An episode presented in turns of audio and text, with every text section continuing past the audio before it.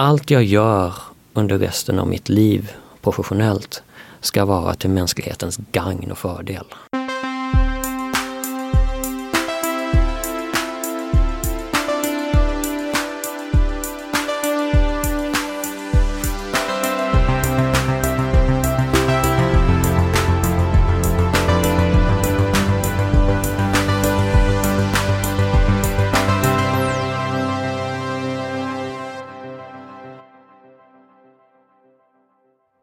Varför är det så otroligt svårt att skapa en kundvänlig och effektiv flygsökmotor? Den nöten bestämde AI-utvecklaren och systemarkitekten Lars Kristensson sig för att knäcka. Det blev starten på en lång och ofta smärtsam färd genom en förvånansvärt konservativ och förändringsobenägen snårskog. Idag är han framme på andra sidan och driver företaget Avionero som vill så att säga disrupta hela den här resebranschen. I dagens avsnitt hör du hans fascinerande historia. Och när vi pratar om vad som händer eh, nästa år så är det förstås 2019 vi syftar på. Välkommen till Heja Framtiden. 2018 var ju galet på många sätt. Jag tänker att 2019 kan bli dubbelt så bra. Hade någon frågat mig för ett år sedan om jag skulle släppa 38 avsnitt under det första året av Heja Framtiden så hade jag sagt eh, nej det låter lite för mycket. Men det var det inte. 38 blev det.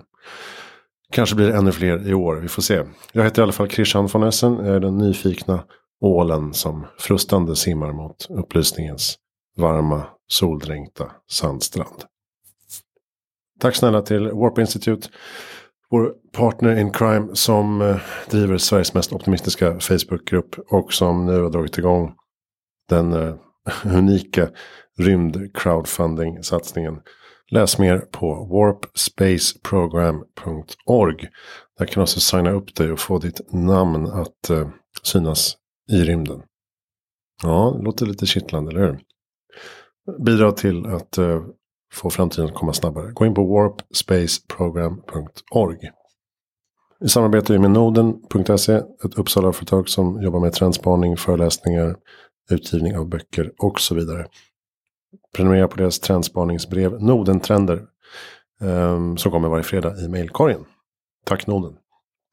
Vi poddar som vanligt från Helio GT30, Kulturgatan 30 i Stockholm. Helio har coworkingplatser och eventlokaler och allt du kan tänka dig i den vägen. Kolla in helioworks.se. Vi har också inlett ett uh, fantastiskt litet samarbete med Veckans Affärer. För det nya affärslivet, du vet. Gå in på va.se och sök på Heja Framtiden så kommer det några artiklar som vi har skrivit ihop. Eh, med intressanta gäster för just eh, näringslivsläsarna. Ja, teckna prenumerationer än en gång. Tack VA. Yes, allt du behöver veta finns på hejaframtiden.se. Prenumerera på oss i sociala medier. Stötta oss på Patreon om du inte gör det redan. Ge några tior i månaden så att vi kan utveckla detta projekt ytterligare. Så, nu kör vi 2019. Åka, Lars Kristensson, Heja Framtiden.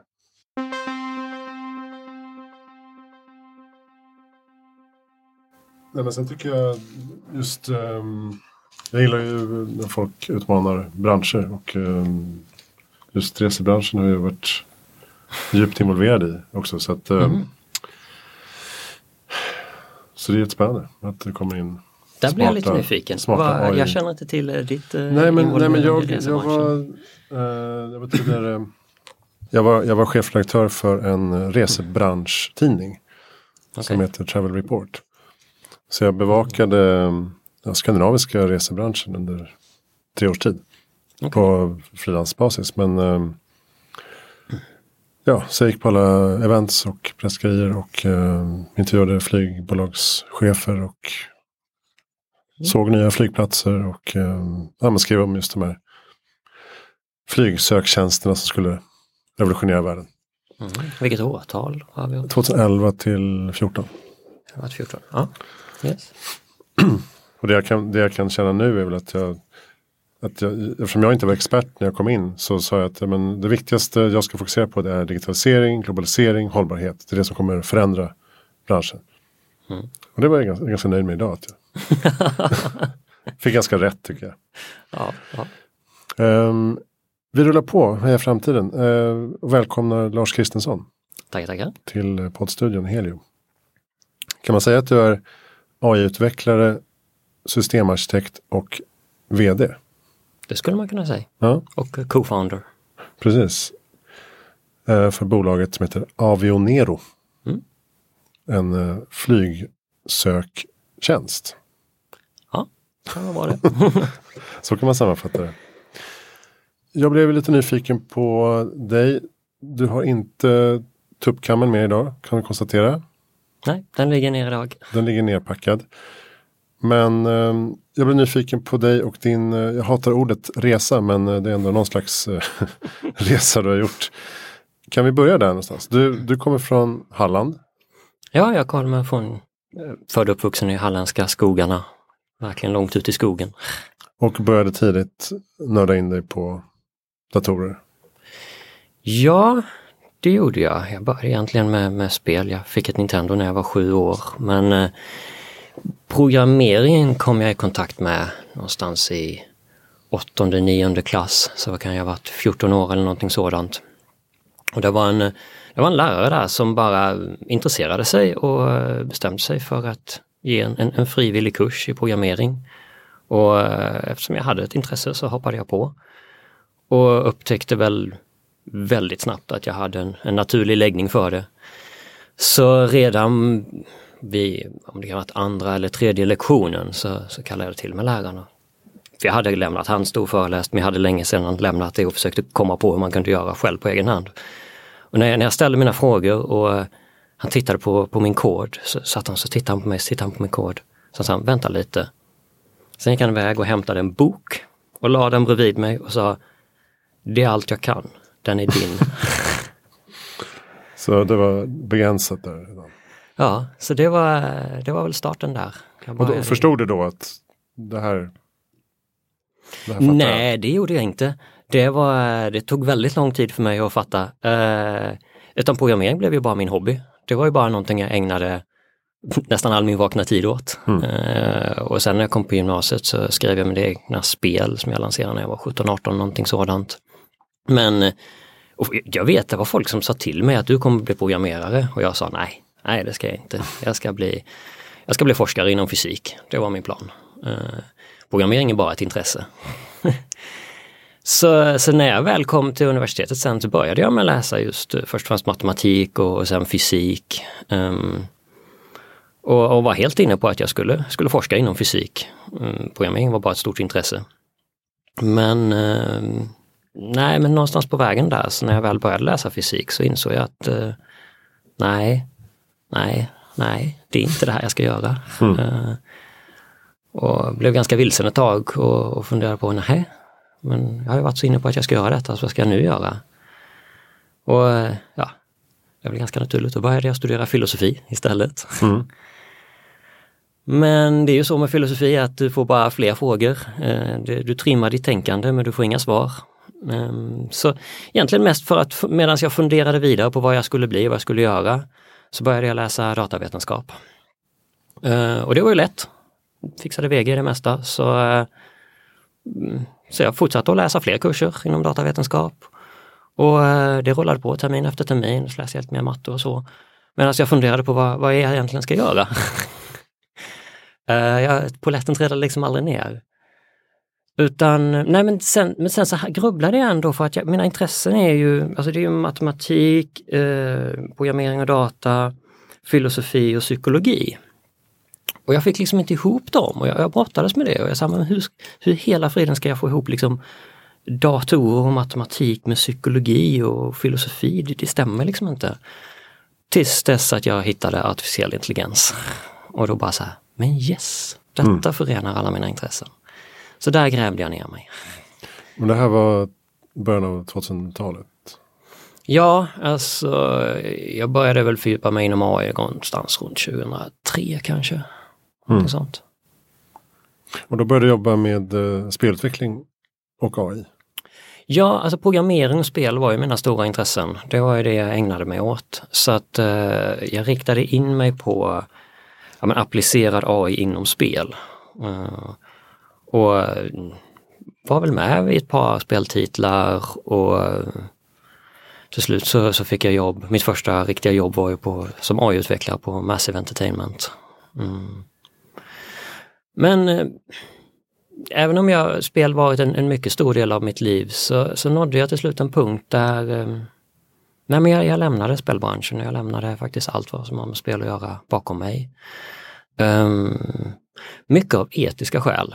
Det finns flera olika saker, det hände en hel del men anledningen till att jag aldrig återvände till spelbranschen var just av etiska skäl för att det var en sak jag brottades med där hela tiden som AI-utvecklare i spelvärlden. Och det har att göra med, med, med vad, vad, vad, du försöker uppnå som AI-utvecklare inom spel. Och, och för, som AI-utvecklare så sysslar du sysslar inte med det visuella, du sysslar inte med, med de intrycken, utan du sysslar, sysslar mycket mer med upplevelsen och, och känslan i spelet. Och ett mått på hur du gör riktigt duktig, riktigt bra AI är hur beroendeframkallande du kan göra spelet. Om du kan mm. skapa mm. den, där, den där triggern, det där flowet så att du hela tiden lockar spelaren, du utmanar spelaren men du låter den lyckas, du utmanar bara sådär lagom mycket hela tiden så du lockar spelaren att komma tillbaka. Du mm. skapar mm. ett beroende. Då är du jäkligt duktig. Uh, men att skapa spel som är beroendeframkallande gick så emot vad jag egentligen vill att människor ska göra.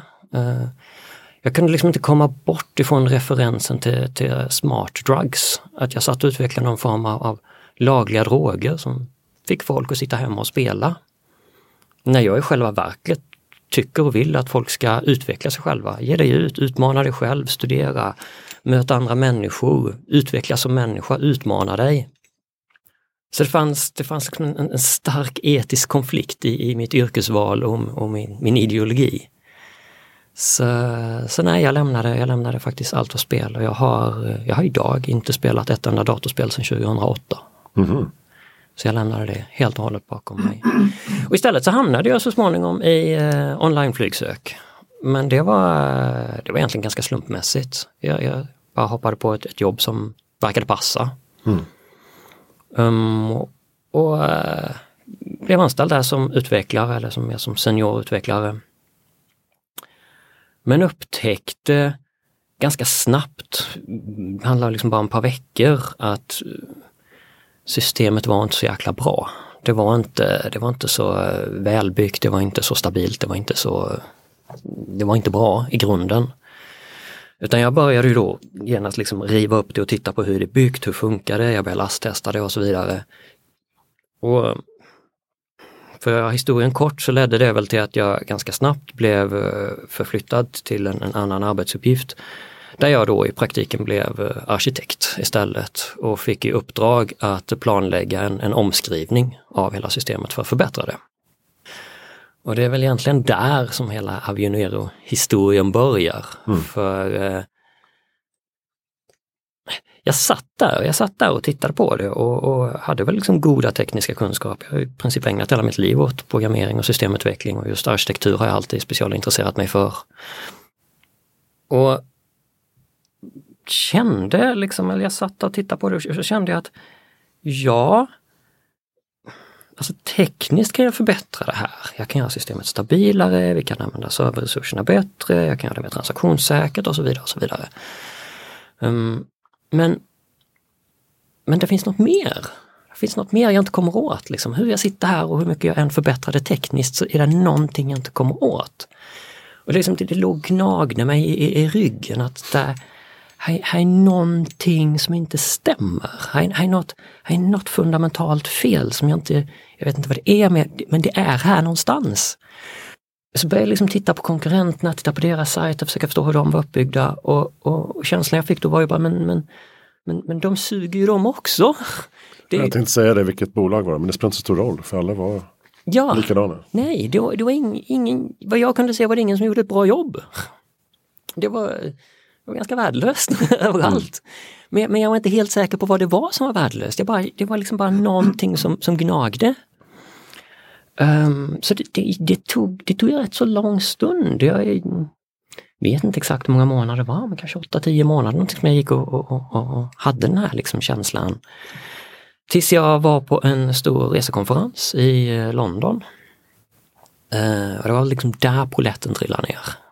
Men i alla fall, jag var där och, och tittade mig omkring och kanske är väl liksom min, min, min spelbakgrund och min AI-bakgrund relevanta för där tittar man ju väldigt mycket på upplevelsen. Men för, för vad jag noterade eller vad jag upptäckte när jag gick där uh, var att alltså, flyg och flygsök är ju det, det, det är en jättestor pengaintensiv industri, alltså det är en multimiljarder dollar industri, den är jättestor.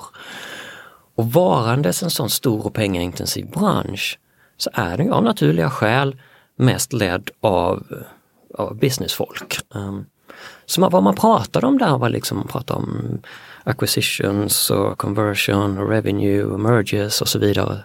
Och, och, och de delarna, liksom de affärsmässiga delarna. Men vart jag än tittade så kunde jag inte hitta någonting om slutanvändaren. Vem är slutanvändaren? Liksom, visst, de liksom, diagram och, och, tabeller med statistik om si och så många miljoner besökare. Bara, ja men de där miljonerna besökarna, vem är de? Hur funkar de? Hur tänker de? Vem är människan? Jag, jag måste få veta hur personen fungerar.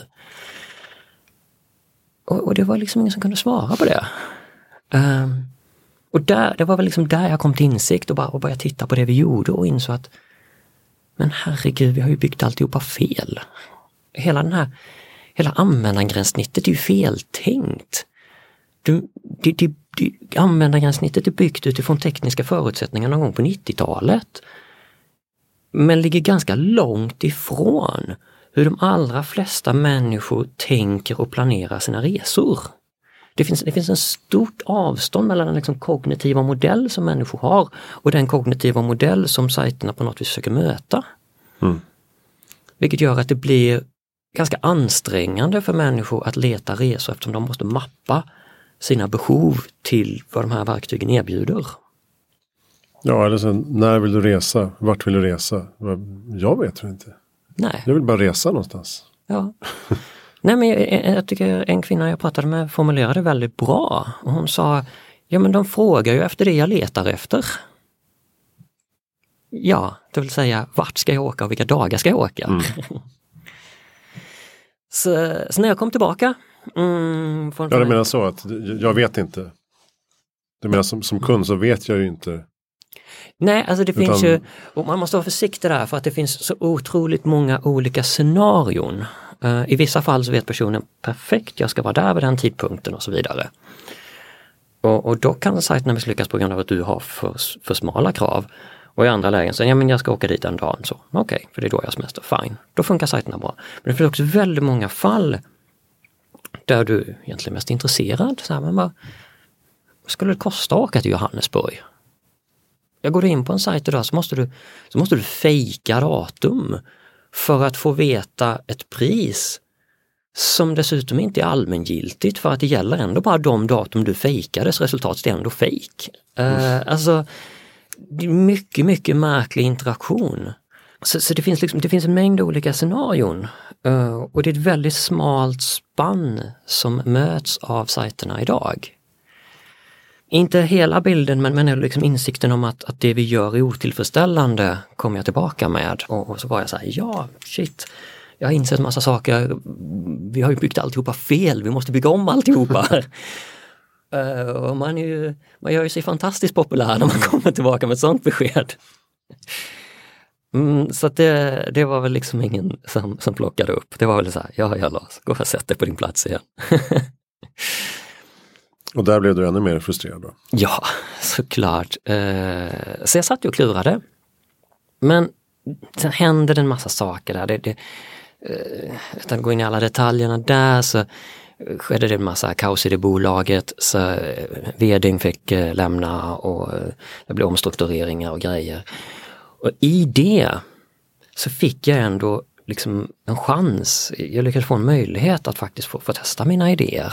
Eh, så jag fick en möjlighet att plocka ihop ett litet, ett litet handplockat team på ett par utvecklare och för, för att utveckla liksom mina idéer.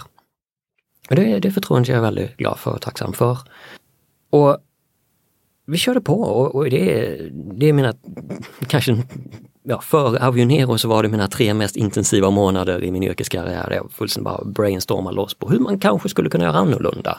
Och komma upp med en massa olika liksom, Var det inom det här bolaget då fortfarande? Det var det. Uh, det Sorts entreprenörskap? Liksom. Det, precis, ja. uh, helt riktigt. Uh, och så körde vi på för fullt och, och, och, och konceptade. Och det var liksom, det var mest bara koncept och proof of concept och så vidare. Men det var väldigt mycket out of the box och få visa på att man kan tänka annorlunda. Och eh, ja, sen, eh, sen så bjöd jag in hela företaget till en föreläsning där vi presenterade alltihopa. Visa vad vi har gjort och hur vi har tänkt och hur man kan tänka på ett annat sätt. Eh, och det var väldigt mycket så, liksom proof of concept bara.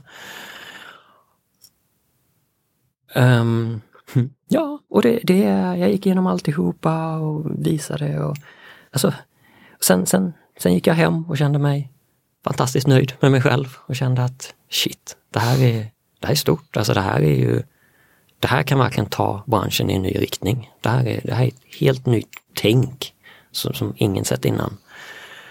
Så ja, jag kände mig nöjd. Jag kände mig klart nöjd när jag gick hem och, och la mig den kvällen. Och äh, ja, sen när jag kom tillbaka nästa dag så fick jag sparken. Oj. lite överförenklat, det blev lite av en process. Um, väldigt mycket av en process, för jag gav mig inte. Men um, ja, nej, jag fick inte vara kvar. Det uppskattades inte, det jag gjorde. Men för du hade väl den uppgiften att tänka nytt? Men du tänkte för mycket nytt, eller? Ja, jag har aldrig fått någon, eh, någon full klarhet i nej. vad som hände där egentligen. Eh, men nej, det var, det var tydligt att jag inte skulle vara kvar där. Mm. Så jag lämnade. Um, såklart, det, det var en smäll. Um, jag var lite nedslagen men uh, jag hade ändå fått lite pengar så jag startade eget och började frilansa. Kom i kontakt med ett, med ett annat bolag som, som var väldigt bra. Ehm, jag gillade att vara där. De var väldigt så, ja men det var, det var schysst. Men, men så presenterade jag, snackade mina idéer också, men även där så möttes jag av attityden av att ja, men det kan man inte göra, det är omöjligt.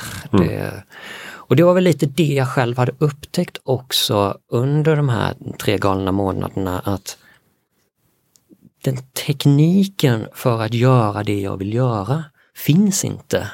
Uh, antagligen för att folk inte har gjort det eller, eller, eller jag vet inte men vi bygger, liksom hela, hela branschen bygger på gammal teknik. Eh, så den teknologin finns inte och det sa de till och med där också att men, det här går ju inte, det, här, det, det går inte att lösa, det finns inga tekniska lösningar på det här. För du springer rätt in i liksom kombinatorisk explosion som inte, som inte går att beräkna. Eh, den är, det är helt hopplöst. Och, och, och då blir jag ju bara ändå mer frustrerad. Mm. Och, och, min attityd var ju, men vad fasen så här kan vi inte, så här kan vi inte säga, så här kan vi inte göra. Vi kan inte gå runt och säga att ja men 80% av användarbasen är missnöjda men vi, vi skiter i det för vi har ingen teknisk lösning på det. Det... Nej. så, så jag klurade på det där jäkligt länge. Bara, men vad fasen, det måste gå att lösa. Alltså kan man inte, hur kan man, det här måste gå att vända och vrida på det här på något sätt så det går att lösa. Och jag höll på med det här, jag vet inte hur länge, ett år eller någonting gick jag och verkligen grubblade på det här. Så bara, fasen, hur ska man göra det här egentligen? Tills, eh, ja men det var återigen, jag var i, i London. Eh, men, men den gången var jag under helt andra omständigheter. Jag var på, stod på ett power noise golv och röjde och dansade fullt ut. När jag plötsligt fick mitt så här moment där jag bara stannade upp och bara så här, vänt, vänt, vänta. Fasen, jag tror jag vet hur man gör jäklar! Man, om man gör så, hmm. Och så satte jag mig ner på någon oljetunna där och funderade. Fasen, här, hmm. Medan min, min, min, min vän Johnny, han, han så här, höll folk borta. Bara, nej, nej, stör honom inte, han tänker. och nej, och sen, sen, så, sen började jag liksom utkristallisera hur man skulle göra det här och när jag kom hem så började jag genast skissa på en, en ny, ny sökteknologi för, för man skulle kunna göra det här. Och det som kom till dig var en rent teknisk lösning? Alltså det var en teknisk lösning. Det var en, en, översätta? Det var en, en teknisk lösning um, som krävde att man, man gjorde lite, uh, att man ser på problemet på ett annat sätt än vad man har gjort hittills. Och var det det som blev fröet till det egna bolaget? Det gjorde det. Det gjorde det. Eh, och först så startade jag ett bolag, det här är alltså tillbaka 11-12 någonting sådant, så startade jag ett bolag för att utveckla just söktekniken. Men det blev ganska snabbt uppenbart för mig att jag, jag redan inte ut det här på egen hand. Alltså det är ett jätteprojekt och jag kan inte jag kan inte sitta och koda det själv och, och jag har inte pengar till att anställa och så. så att, nej, jag insåg ganska snart att jag behöver jag behöver någon form av liksom plattform, något befintligt att bygga det här på. Mm. Så då tittade jag mig runt i branschen efter vad, vad som kunde väl branschen hyfsat men, men så, så, jag valde det bolag som jag tänkte i alla fall på utsidan såg mest eh, innovativt ut och såg ut att vara mest liksom öppet för, för innovation. Um, och sen kontaktade jag deras uh, grundare och uh, presenterade vad jag ville göra. Och han blev, tyckte det var jättehäftigt. Så, så jag förhandlade till mig ett, ett schysst anställningsavtal och sen så kom jag in där och mm, vi hade ganska roligt i början. Um, vi hade skitkul faktiskt. De första månaderna bara brainstormade vi liksom massa, här, vad kan man göra? Problemet var ju att han, bara, bara några månader innan jag eh, blev anställd där, så hade han redan sålt bolaget. Så bara några månader efter jag hade börjat så lämnade han. Varpå jag blev eh, jag men, omplacerad och får jobba med en annan person. Och, och vi, vi kom liksom inte lika bra överens. vi, eh, vi kom inte ens överens redan under anställningsintervjun. Så ja, så det var det var en slitsam tid där. Det var en slitsam tid och eh, det blev aldrig som jag hade hoppats på. Vi, vi, gjorde, vi gjorde massa försök att reda ut situationen men vi, vi hade olika syn på saker och ting och, och i slutändan så, så valde jag att lämna. Var det där du kraschade själv? Ja. Ja. Ja, ja, ja. Eh, eller det ligger till grund för det i alla fall. För det slet väldigt mycket på mig. Jag var där i två och ett halvt år och att, att, att uh, jobba i, i daglig konflikt och inte få göra det jag verkligen vill. Och, och nej, det var det var, det slet väldigt hårt på mig. Mm. Um, jag var väldigt sliten när jag gick därifrån. Och min tanke var, min, min plan var att nej men nu ska, jag, nu ska jag flytta till Berlin och så ska jag bara liksom vila i ett halvår och bara plåstra ihop mig själv. För att jag behöver det. Men så blev det inte, utan istället så eh, blev jag direkt, liksom, jag hade knappt lämnat förrän jag blev headhuntad av en annan kille. En herre som, som ville köra ett, ett flygsökprojekt i eh, Sydamerika. Och ja, först var jag lite så här, mm, ja, alltså jag, jag behöver ju vila. Men eh, nej, han, han gav mig ett erbjudande som jag inte kunde säga nej till och, och det lät jäkligt bra och, och allt verkade jäkligt bra. Så ett antal månader senare så befann jag mig i Bolivia. Så bodde jag i Bolivia istället och eh, satte ihop ett utvecklingsteam där och eh, försökte få det projektet att fungera. Men det gjorde det inte. Det var, det var så mycket problem med det projektet. Det var, det var problem på alla nivåer, det var problem ja, men överallt verkligen. Det var, jag var redan fruktansvärt sliten när jag, när jag hoppade in i det och, och sen var det liksom bara mer problem. Och, och det, det, utvecklingsteamet funkade inte, strukturen funkade, alltså ingenting fungerade. Förkorta ner den historien också så, så, så slutade det med att jag, jag, jag ja men jag märkte ju att jag höll på att bränna ut men när jag, jag, jag kämpar och jag kämpar och jag kämpar och till slut så märkte jag liksom bara att jag håller på att kollapsa. Liksom, jag, till slut ligger jag liksom i sängen i fosterställning och bara skakar och bara så nej men det här går ju inte bra. Och sen kom väl liksom dödsbeskedet och det hade jag redan det hade jag liksom redan deklarerat att händer det så lämnar jag. Och sen hände det. Och då sa jag bara, nej men då lämnar jag det här projektet. Och så var det inget mer med det. Men då var det var redan liksom, klockan var väl över tolv. Jag var, jag var så, jag var helt slut. Jag hade bränt ut mig fullkomligt. Och var helt förstörd. Helt förstörd. och, och vände mig till min, till min älskade flickvän och, och bad om hennes stöd och bara så här, sa till henne att nu, nu, nu behöver jag dig. och eh, då valde hon att lämna. Då dumpade hon mig. Uh, så ja, då blev jag intagen på psyk mm. i självmordsprevention. Och var väldigt, väldigt förstörd. Men jag, jag kom ut därifrån och uh, under den resans gång när, inför det sydamerikanska projektet så behövde vi då en design till sajten. Och eftersom jag hade lite saker jag ville skapa så hade jag lite högre krav än vanligt. Och när man behöver en design, då kan du antingen liksom anställa en designer och så får du hans design, mm, hans stil. Men jag var inte nöjd med det utan jag, jag ville ha någonting mer. Så jag satte upp en tävling online med då liksom hyfsade prispengar och jag gjorde det ganska seriöst. Jag hade en jury för att se till att jag var mindre biased själv och så vidare. Som oftast så får man in ganska många dåliga bidrag men, men det var också ett par som var rätt bra. De som bara sa, ja men det här är schysst, liksom, det här skulle du kunna jobba med. Men sen så rätt sent i tävlingen så trillade in ett bidrag som var väldigt, väldigt annorlunda. Alltså det var inte, det var inte amatörmässigt, det var proffsigt gjort men det var väldigt konstigt. Eh, jag blev väldigt brydd, jag bara tittade på det, vad fasen är det här för någonting? Men, men så blev jag nyfiken så jag satt och tittade mer på det och försökte förstå vad, vad, vad hela friden håller han på med? Det här ser jättekonstigt ut. Men när jag satt och verkligen tittade in i designen och försökte förstå den så började jag mer och mer inse att helsike vad smart det här är.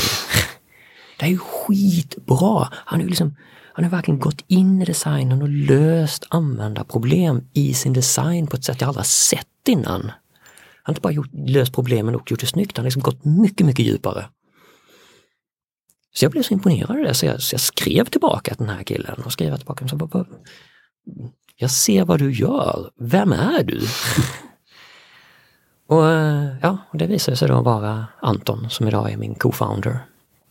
Så om vi då hoppar fram ett år igen, när jag kom ut där från, från sjukhuset så ja, då fick jag ju tala om för honom, för han hade ju ja, vilket kaos det var. Uh, för han hade precis sagt upp sig från sitt förnäma jobb. Han hade ju skitbra lead designer-jobb i Moskva, mm, välbetalt och allting.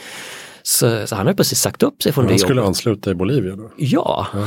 För han skulle komma över och jobba med oss, mm. för vi hade ju snackat hela vägen och tyckte, vi hade ju massa idéer ihop. Så han skulle komma över till oss på heltid. Så han hade precis sagt upp sig och bokat resa och jag bara så här, mm, ja, nej, det blir inget med det. Där satt han bara, va? Säger du? Men, men, men han var ändå rätt cool så han sa, nej men du, jag, jag kommer över ändå fast jag ändå bokat resan, låt oss träffas. Jag bara, ja alltså, ja men visst liksom, klart vi kan träffas så, men ja. Så han kom över och jag var ju inte så jävla bra skick. Var du i Bolivia då också? Nej, då var jag i Malmö, tillbaka i mm. Malmö i Sverige. Och hade liksom släppt det efter mig i Bolivia. Nej men han kom över. Och, och det intressanta var att vi slutade liksom inte, utan, utan vi träffades och sen bara fortsatte vi diskutera som om ingenting hade hänt och vi fortsatte att brainstorma för båda var så passionerade över, över vad vi ville göra. Så, så, vi bara fortsatte att diskutera hur man kunde lösa och hur man kunde göra det här och hur man kunde förbättra det här och de här användarscenariot och det här användarscenariot och det här användarscenariot. Hur kan man, kan man göra det här? Det här måste vi lösa. Hur ska vi lösa det här? Så, så, så, så, det var faktiskt på hans initiativ som slut, för jag, jag var helt liksom, jag, jag, fan, jag låg på golvet verkligen och var såhär, nej men jag, jag skiter i det här nu, nu gör jag något annat om mitt liv, jag vet inte vad. Alltså jag, jag, jag lämnar den här branschen, jag lämnar det här, jag ska sluta med programmering, jag ska göra något annat. Um, jag, jag, var så förstörd. Um, men han bara såhär, nej men, fasen vi... Satt han såhär, men Lars, vad är det som har gått fel? Kan du berätta för mig en gång till nu, vad är det som har gått fel? Ja, så, är det, men det är liksom där, det har, har inte funnits pengar, det har inte funnits tilltro, det har varit managementproblem, det har varit organisatoriska problem, det har varit samarbetsproblem, bla bla bla bla bla bla. Liksom så, så tittar han på mig och säger, men Lars, men, men din teknik fungerar. Och jag blev lite paff, jag bara så här, uh, ja, ja min teknik fungerar det vet jag, den har jag testat, så den vet jag att den fungerar. Ja men, ja, men då så. då kan du inte ge upp, nu kör vi. jag bara, men, alltså jag orkar inte, det här, nej. Men jo, det, han övertalade mig. Mm. Och, och jag, hade, jag hade ett motkrav. Jag hade ett motkrav och jag sa, jag gör inte ett försök till. Jag misslyckas inte en gång till. Det här det är allt eller inget. Nu gör vi, nu gör vi det här och vi gör det enligt alla konstens regler och vi satsar allt. För det här är sista gången jag gör det här. Och det var, ja det är väl, det är väl tre år sedan nu snart. Mm. Och nu kör ni ut, ni har kört eh, Sverige, Ryssland, USA, Spanien hittills. Mm, det stämmer bra det. Och eh, nästa år, vad händer då? Eh, den 24 januari lanserar vi Tyskland mm. härnäst. Och eh, vad det blir därefter vet inte ens vi. För att vi har ju en omröstning på sajten där användarna får rösta om vad vi ska lansera härnäst. Så eh, ja, vill ni att vi ska rösta någon, eller öppna upp någonstans så är det bara att gå in på sajten och rösta. Det är lika spännande för oss som för alla andra. men och ni har tagit in kapital. Och, äh, men hur, äh, hur får man en sån här, hur får man skalbarhet? Alltså hitta användare. Det måste ju vara väldigt, väldigt svår konkurrens. Eller säljer ni tekniken till andra bolag också? Nej, det gör vi inte. Vi håller helt och hållet på tekniken och eh, planerar att bygga upp det här. Mm. Mm. Nej men absolut, eh, så är det. Det är en eh, stenhård bransch att ge sig in i. Den är inte nådig. Och marknadsföringen är en tuff bit. Men eh, än så länge så ser det ut att funka. Än så länge mm. ser det ut att funka. Vi växer kontinuerligt avionero.se. Avionero.se. Gå in och kolla. Um, ett roligare sätt att få resetips på kan man säga. Alltså det är roligt att klicka sig runt och se uh, priskurvor och uh, vilka veckodagar man ska boka och så här. Ja, det är ett av koncepten vi jobbar med är att vi vill inte bara skapa en, en, ja, men en lookup eller sökfunktion där man går in och vet vad man vill ha utan vi vill öppna upp för utforskande. För att folk är mycket mer utforskande idag i sitt sökande. Man, eh, man går inte in och vet exakt vad man vill ha från början utan man har ofta en lite mer öppen idé om att det hade varit kul med någonting utifrån ett antal parametrar. Så att eh, jo, vi har byggt sajten med utforskande i, i åtanke. Jag älskar att det finns en bild på Rom och så står det Stockholm-Rom och sen klicka in det så är den billigaste månaden att resa i februari. Du kan åka till Rom för 1300 till 2400 kronor i februari. Och så kan jag gå vidare. Mm. det, är så, det är så många funkar i sitt resesök. Men, eh, ja, men som du säger, att man, man sitter och testar 10 till 13 februari. Nej, det blev 13 000. 10 till 14, ja det blev 8 000. Varför det? Varför, jaha, åka hem på en måndag till jättebilligt. Okej, vi testar tisdag då. Det här blir dyrare. Jaha, onsdag då. Det är Ex vedervärdigt ur användarperspektiv. Exakt, precis så. Och, och, därför har vi då vad vi kallar för flexibla, eh, flexibelt sök, flexibla datum. Eh, där du kan ange, liksom så här, nej, men jag kan åka någonstans mellan den 10 och 12 och jag vill återvända någonstans mellan den, vad det nu är. Och, och så, så letar vi upp lämpliga flyg där. Och ni har samma databas som alla, alltså det är eh, Amadeus och Ja, och det är väl eh, ytterligare en anledning att använda vår sajt att vi har ju faktiskt redan idag det största utbudet. Vi har Sveriges största utbud av flyg. Aha. På grund av hur vi har byggt saker och ting. Så att ja, det finns egentligen ingen anledning att använda någon annan sajt för att det du hittar på andra sajter hittar du på vår sajt och mer. Hmm. Men inga hotell, bara, bara flyg? Än så länge fokuserar vi på flyg, för det är, det är det vi har nördat in oss på och det är där vi också ser att det finns eh, störst behov av förbättringar. Mm. Hur, hur kommer det sig tror jag att, alltså nu, nu var det ett uppenbart problem som du ville lösa, men ändå lagt liksom 10 plus år på det här, den här nöten. Och, den här nöten råkade vara då flygsök av alla saker. Mm. Är inte det lite liksom lustigt? Att du snöade in på det. Du lämnade spelbranschen för att det var oetiskt och sen så är du flygmannen istället. Ja. ja finns nej, det, det är finns ganska... det någon etisk uh, konflikt där? Åh nej, I... nu, nu såg jag ett frö. Ja, nej men absolut. Jag, jag vet precis vad, vad du traskar in i, men jag finner ändå det etiska problemet betydligt mindre där. För vad jag fokuserar på egentligen är ju att göra människors liv lite lättare. Sen har vi hela miljöaspekten i det och ja, jag kan tycka det är lite trist. Eh, inte att miljöaspekten är där, men att det är så. Alltså jag hade ju gärna sysslat med tåg istället. Eller alltså så. Men, men mitt mål är ju att göra människors liv lite enklare. Det är egentligen det som är min ambition. Och det var, det var också det beslutet jag fattade när jag lämnade spelbranschen.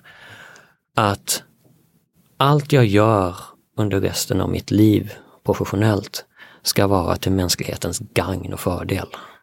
Och eh, jag hoppas att vi ska kunna integrera både tåg och buss och så småningom. Men just nu så har vi inte tekniska möjligheten och det, ja, det, det, det var där vi hamnade.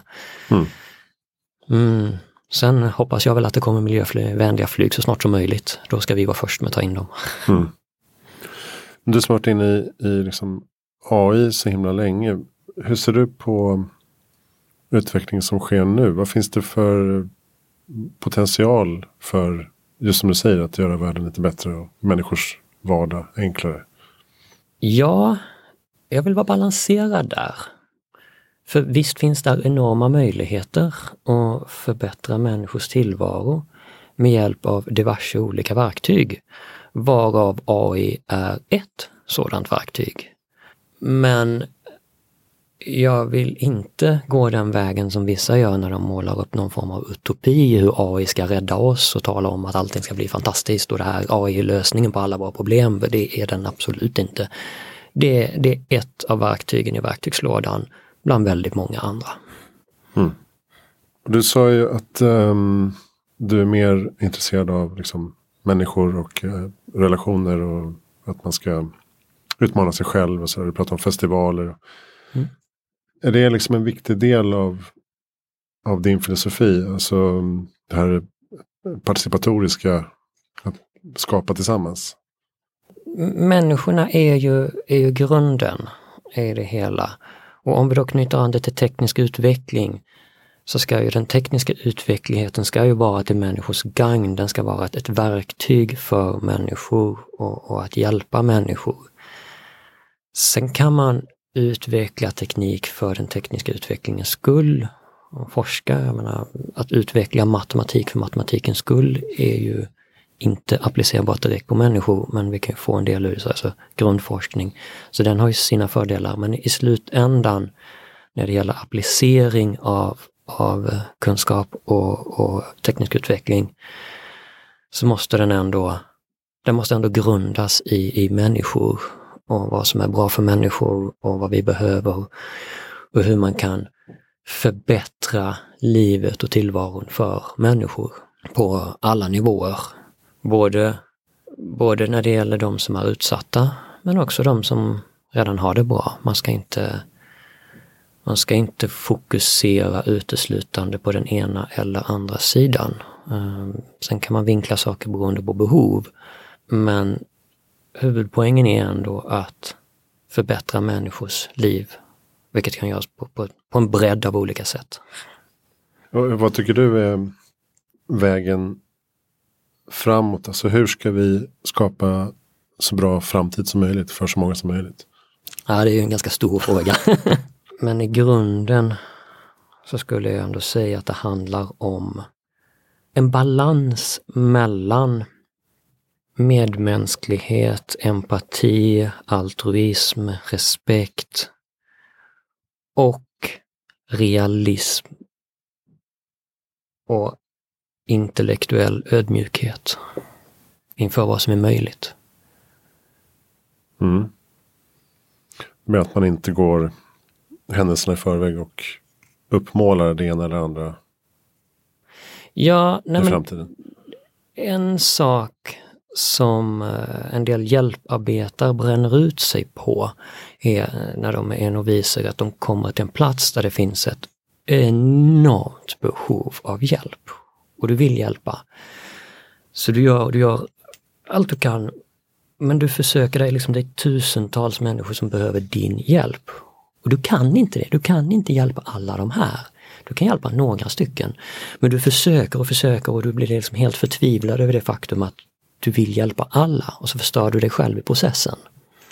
Utan där är det viktigt för de personerna i den situationen att inse sin begränsning och göra vad de kan. Du kanske kan hjälpa två människor, du kanske kan hjälpa tio människor, du kanske kan hjälpa hundra människor beroende på din, vad det är du gör. Men du kan inte hjälpa alla vid en katastrofsituation där alla behöver hjälp. Så får du göra vad du kan. För mer kan du inte. Och du som har varit inne i det här eh, krissituationen av en eh, utmattningskrasch, eh, utmattningsdepression. Mm. Hur ska vi liksom hur ska vi undvika det? Det är, det är ju en, som en folksjukdom nästan. Hur ska vi eh, leva mer hållbart? Där tror jag att, att finnas till hands, alltså att stötta de som finns i din omgivning är en väldigt stor grej, väldigt stor del i det hela. Alltså medmänsklighet och, och, och vänskap och, och förståelse. Så, eh, och det är ju det är någonting annat som jag också har, har pratat en del om på senare tid, det här med att vi ger allt fokus till de som redan har lyckats. Medan vi har betydligt fler som i alla fall inte ännu har lyckats och som är betydligt större behov av att få den uppmärksamheten. Eh, för att kanske kunna lyckas och om de inte lyckas i alla fall kunna ta hand om såren. Så där tror jag finns ett stort behov av att sluta titta uppåt och titta i sidled istället. Och stötta, stötta medmänniskor vi har runt oss, stötta dem som kämpar och fortfarande kämpar och ännu inte har lyckats. Mm. Istället för att ge allt uppåt. Det kan jag väl uh, hålla med om. Mm. När man kämpar på med sådana här projekt. Mm. Um, men om man annonserar någon, någon, som luktar framgång, då blir folk väldigt peppade. Nej men absolut, och det finns ju, alltså människor har ju ett antal naturliga bias. Och, och, en av dem är ju att söka sig till, till framgångsrika för att där kan du göra en egen förtjänst. Alltså det finns ju någon form av, av egoistiskt sökande i det. Sola sig i glansen lite grann? Eller? Ja, men, men faktiskt om, om du umgås med människor som har väldigt mycket av det du söker så ökar du på något vis dina odds att också få ja, en del av det. Så det finns en rimlighet i det. Men i, i den naturliga biasen. Men det finns väldigt många naturliga bias vi har som människor som vi faktiskt måste göra avkall på. För att fungera eh, som medmänniskor, som samhälle. Mm.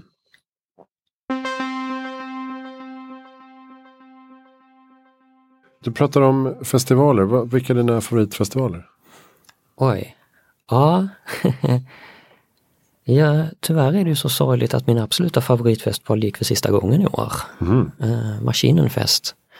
Där jag har varit de sista 11 åren i rad. Var ligger den? Um, den var i Oberhausen nere i Tyskland. Fantastisk uh, festival. En uh, liten halvokänd men ändå världens största noise-festival. Väldigt, väldigt underground. Mm. Mm.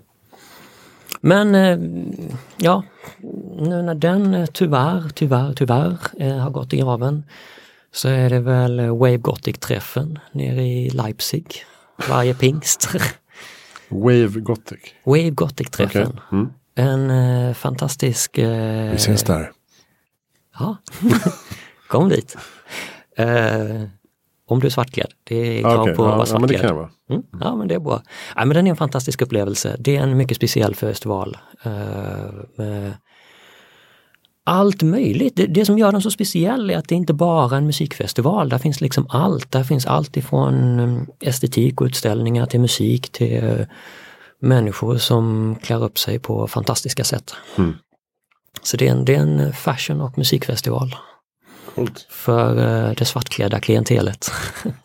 Jag gillar att det är Leipzig också.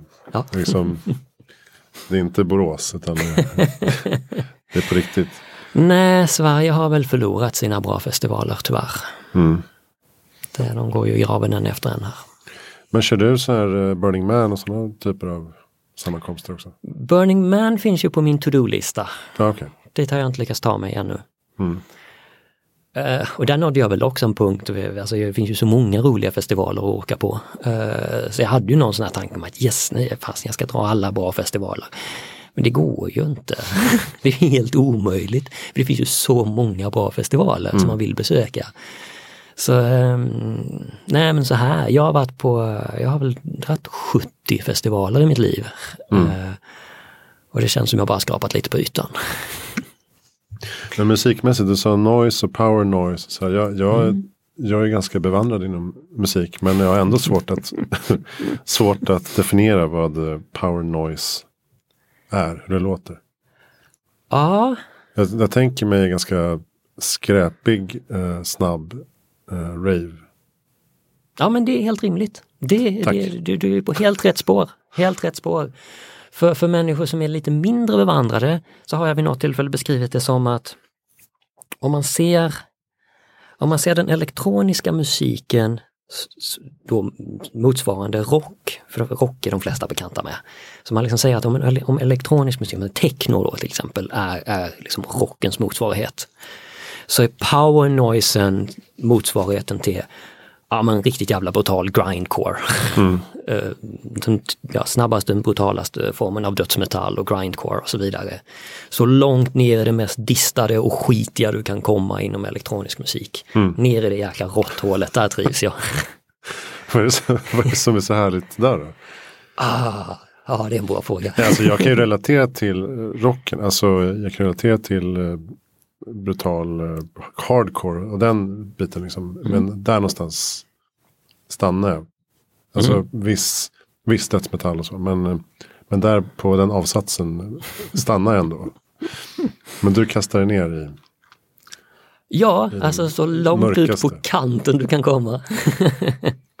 ah, nej men det är en bra fråga faktiskt. Jag eh, kan inte ge dig något psykoanalytiskt svar på varför jag tycker om den musiken men den, den trivs jag väldigt bra med. Mm. Um, har du några bra, har några bra um, bandnamn eller tips om man vill uh, lyssna på? Ja. Skitig uh, noise. Ja, men där skulle jag väl rekommendera Vinterkälte. Det är väl så mainstream det kan bli inom power noise. de, de sålde ut sig. Mm. ja, nej, de har hängt med länge. Men det, det får man en bra representation av vad powernoisen innebär. Bra. Har du något uh, bra lästips? Ja, jag har många bra lästips. Men, men um, jag skulle nog i så fall rekommendera boken Dignity. Som jag läste relativt nyligen faktiskt. Försöker erinra mig författarnamnet just nu, men det får ni, det får ni kolla upp. Men Dignity i alla fall. Mycket fin bok. Som jag nog, det är typiskt en sån bok som alla människor i världen borde läsa. Mm. Jag ska... Dignity Book. Kan det vara Dignity, the essential role it plays in resolving conflict? Ja. Donna Hicks. Yes. PhD. Okej, okay, Dignity av Donna Hicks. Ja. Och vad, vad, vad går den ut på? Värdighet. Exakt. I konflikthantering? Nej, inte bara i konflikthantering. Jag menar det är, det är där hon jobbar. Men i alla möten med alla människor i ditt liv. Mm. Att själv behålla sin egen värdighet och respektera andras värdighet på yes. samma gång? Yes. Okay. Och hon, eh, hon gör en fantastisk ansats i den boken. Um, hon landar i alla fall i någon form av minimum i hur du ska behandla alla människor. Även de du hatar, inte har någon respekt för, inte tycker om och så vidare. Även de värsta förbrytarna som du kan tänka dig ska behandlas med ett visst grundläggande minimum. Och hon försöker komma fram till vad det är. Mm. Det låter ju väldigt eh, vettigt. Mm. Bra, och om man vill ha, det känns som att vi hamnar in på allt möjligt konstigt här. Om man vill ha en, en bra mohawk, hur gör man då? Sockervatten hade man förr i tiden.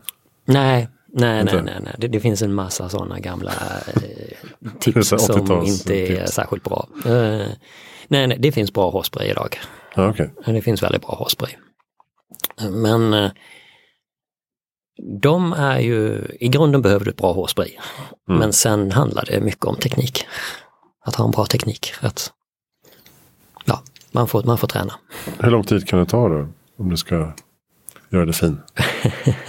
Det tar ganska lång tid. Alltså, Det tar väldigt lång tid. Eh, det beror lite på hur man räknar, för det är så många steg. Så det beror lite på vad man menar med frågan, om man inkluderar liksom hela processen. Eller om man bara inkluderar själva uppsättningen. vad, är hela, vad är hela processen menar du? Ja men i mitt fall då, ja men det är ju hela, ja men det börjar man liksom med raka sidorna, sen så sen duscha, förbereda håret, ha lagom mycket balsam för att få liksom rätt, rätt, eh, mm, rätt håret ska bli rätt att arbeta med. Sen ska det torkas, sen ska det plattas, sen sätts det upp och eftersom jag har tre tuppkammare så är det tre steg. Och sen ska det torkas igen. Med hårtork då? Ja. Ja. Eh, och, och sen kan jag då efterförstärka och eh, så ska det torkas igen. Och sen om det jag vill ha en, en riktigt typisk festivalkam som ska stå i många dagar, eh, då efterförstärker jag den med, med gelé också. Och sen ska det torka. Och sen om jag vill dekorera den på något sätt, vilket jag ibland gör, jag sprayar den med olika dekorationer. Så ska det på och sen ska det torka. Så att, jag menar det är ett heldagsprojekt. om jag ska bygga en riktig, riktig pro på festivalhåk. Oh, shit. Ja. Det kanske inspirerar någon. Eller ute. skrämma de flesta skulle jag tro. Ja men det är ju fantastiskt att du, ehm, att du orkar med det. Det måste ju se väldigt roligt ut under tiden också. ja, jag brukar hålla mig inne under tiden. Det är ingen, det är ingen workshop du, du har lanserat ännu. Nej, inte ännu. Tack snälla Lars Kristensson för att du kom till Hela Framtiden. Ja, tack för att jag fick komma. Eh, och kolla in förstås avionero.se och ehm, se hur Lars tänker kring flygsök och vad det är som gör skillnad. Eller hur? Det är bra och så får man utvärdera och uh, höra av sig. Rösta. Exakt, och vi är helt öppna för feedback så vi välkomnar all form av input. Det finns till och med en, en intercom på sajten så man kan skriva direkt vad man, vad man eh, saknar. Bra, tack för att du lyssnar. Vi finns på hejaframtiden.se och nästa gång pratar vi om något annat. Hej då!